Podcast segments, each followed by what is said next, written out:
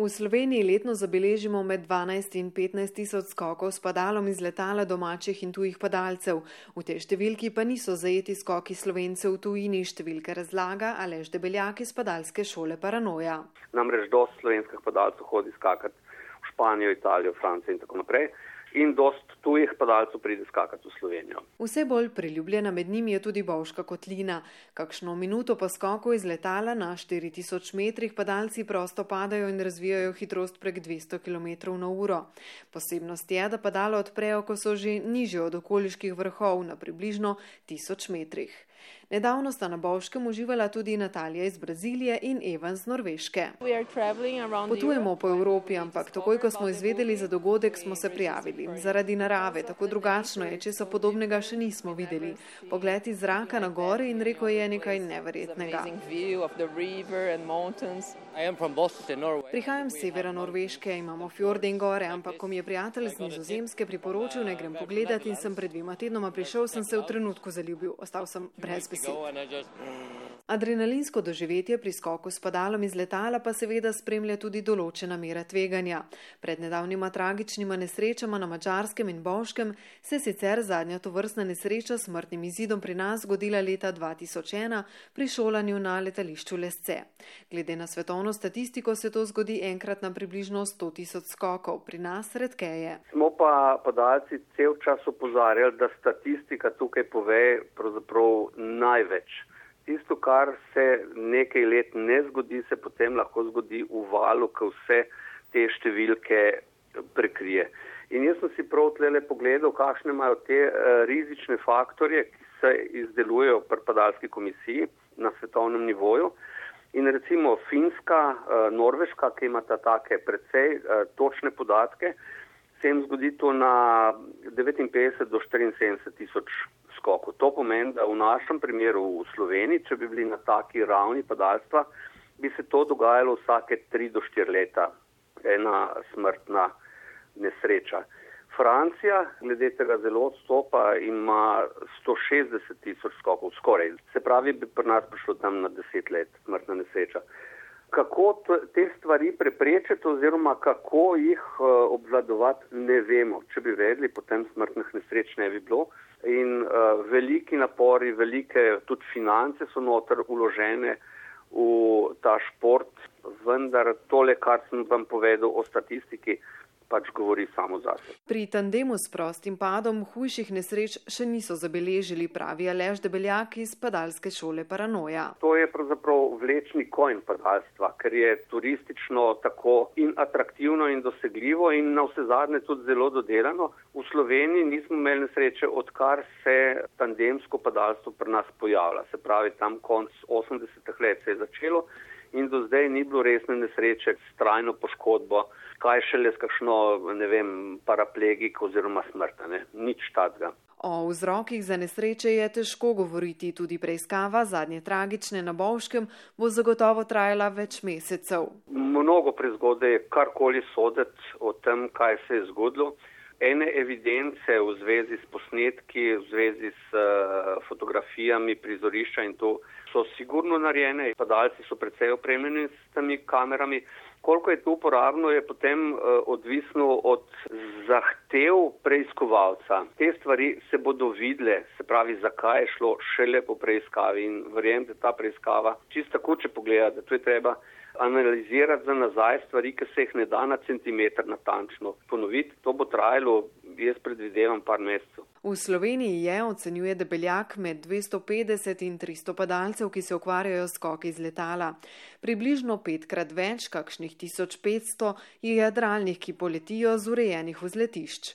V posočju so lani zabeležili 25 tisoč poletov jadralnih padalcev, gorski reševalci so morali zaradi nesreč posredovati 30 krat, pove padalec z več kot 20-letnimi izkušnjami in tudi gorski reševalec iz Tolmina Simon Čopi v bistvu je manj, kot se nam zdi na prvi pogled. To sem povedal že par stokrat verjetno. Ne. Padalci, ki padejo na drevesa, so praviloma nepoškodovani in če so zadost potrpežljivi, da počakajo na prihod reševalcev, se zadeva izteče brez poškodb. Praktično vsi, ki pa priletijo na tla, imajo pa v glavnem poškodbo ledvene hrbtenice, večkrat pa tudi zlome rok ali pa nog. Dodaja dolgoletni načelnik Tolminske postaje gorsko-reševalne službe Žarko Trušnovec, ki pravi, da bi bilo reševanje padalcev težko bolje sistemsko urejeno. To na nek način spada v naše področje dela. Naučili smo se postopkov, se pravi, da čim prej poskušamo ugotoviti, kje je lokacija, klicarmo, prevoznike, kampe, tiste, ki oddajajo apartmaje sobe, tako da dobimo čim več podatkov in potem pač na nek način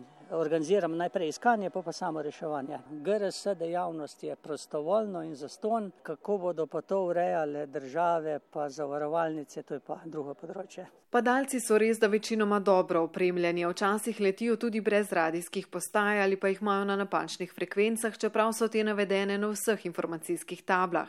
Ko pride do nesreče, gre največkrat na robe pri vzletu ali pristanku, pravi Čopi. In dejansko je tudi največ nesreč statistično okrog obeh štartov, kobale in stola.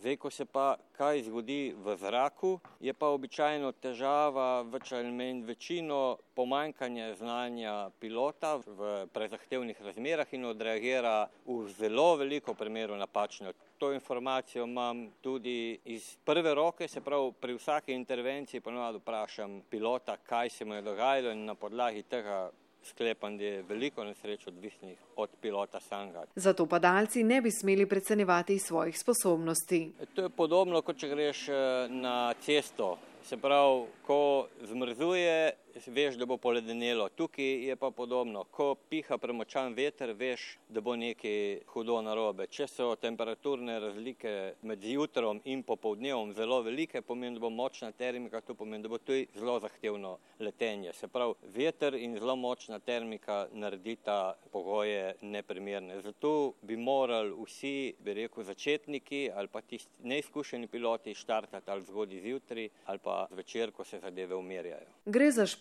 ki zahteva veliko osredotočenosti in znanja, povdarja Čopi, predpogoj pa je seveda zaključeno šolanje. Najprej je L izpit, potem je pa A izpit. To se pravi, vsak pilot mora iti skozi določene šolanje in ne dobi izpita, dokler pač te šole ne opravi.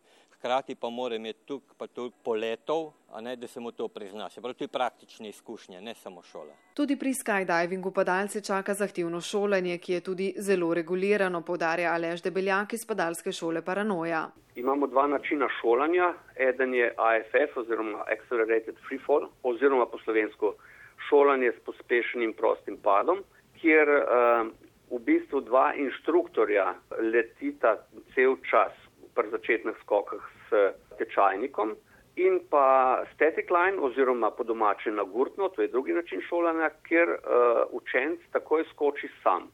To pomeni, da ko učenc skoči ven iz aviona, mu trak odpre padalo samodejno. Se pravi, on samo odskoči, padalo pa se odpre zaradi tega, ker je pripet na avion. Obe ti metodi sta primerljivi, enako varni. Tudi kar se tiče napredovanja, ni kakšne hude razlike.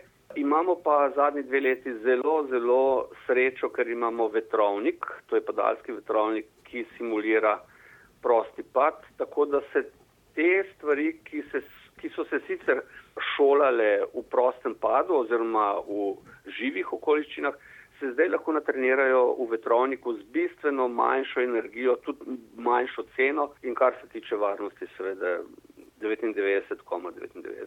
,99 Na začetku jih čaka povprečno 9 teoretičnih ur. Ko to eh, prekrižamo še s praktičnimi vajami, se pravi s tistimi trenažerji, ki jih imamo na tleh in simulirajo ali prosti pad ali delo pod padalom, se pa tu dvigne recimo na 15-20 ur. To je odvisno od dojemljivosti tečajnika. Program šolanja pri nas je sedem takšnih šol, potrjuje tudi Agencija za civilno letalstvo. Vsako leto se licenca podaljšuje. V tem podaljšanju so najprej tiste statistične, bom rekel, mere, koliko skokov je bilo narejeno, koliko tičajnikov je bilo, koliko licenc je bilo na podlagi tega šolanja izdanih. Potem pa gre za tudi vse pregledati prav fizično, kakšna padala imaš, kakšen avion uporabljaš za šolanje. Zdaj, odkar so te mini kamere, imamo tudi uh, same posnetke od skokov, pristankov, prostega pada in tako naprej. In vse to moraš imeti na nek način organizirano, da dobiš licenco za uh, šolo oziroma za njeno podaljšanje. Ne glede na to se nesreče, tako kot v zadnjih primerjih, lahko zgodijo tudi najbolj izkušenim, tako kot na cesti, vodi ali v gorah, tudi v zraku. A izzivanje usode, tisti, ki stojimo, vsaj tako mislimo, varno na tleh, ne bi smeli očitati, saj se prav vsi tveganja še kako zavedajo.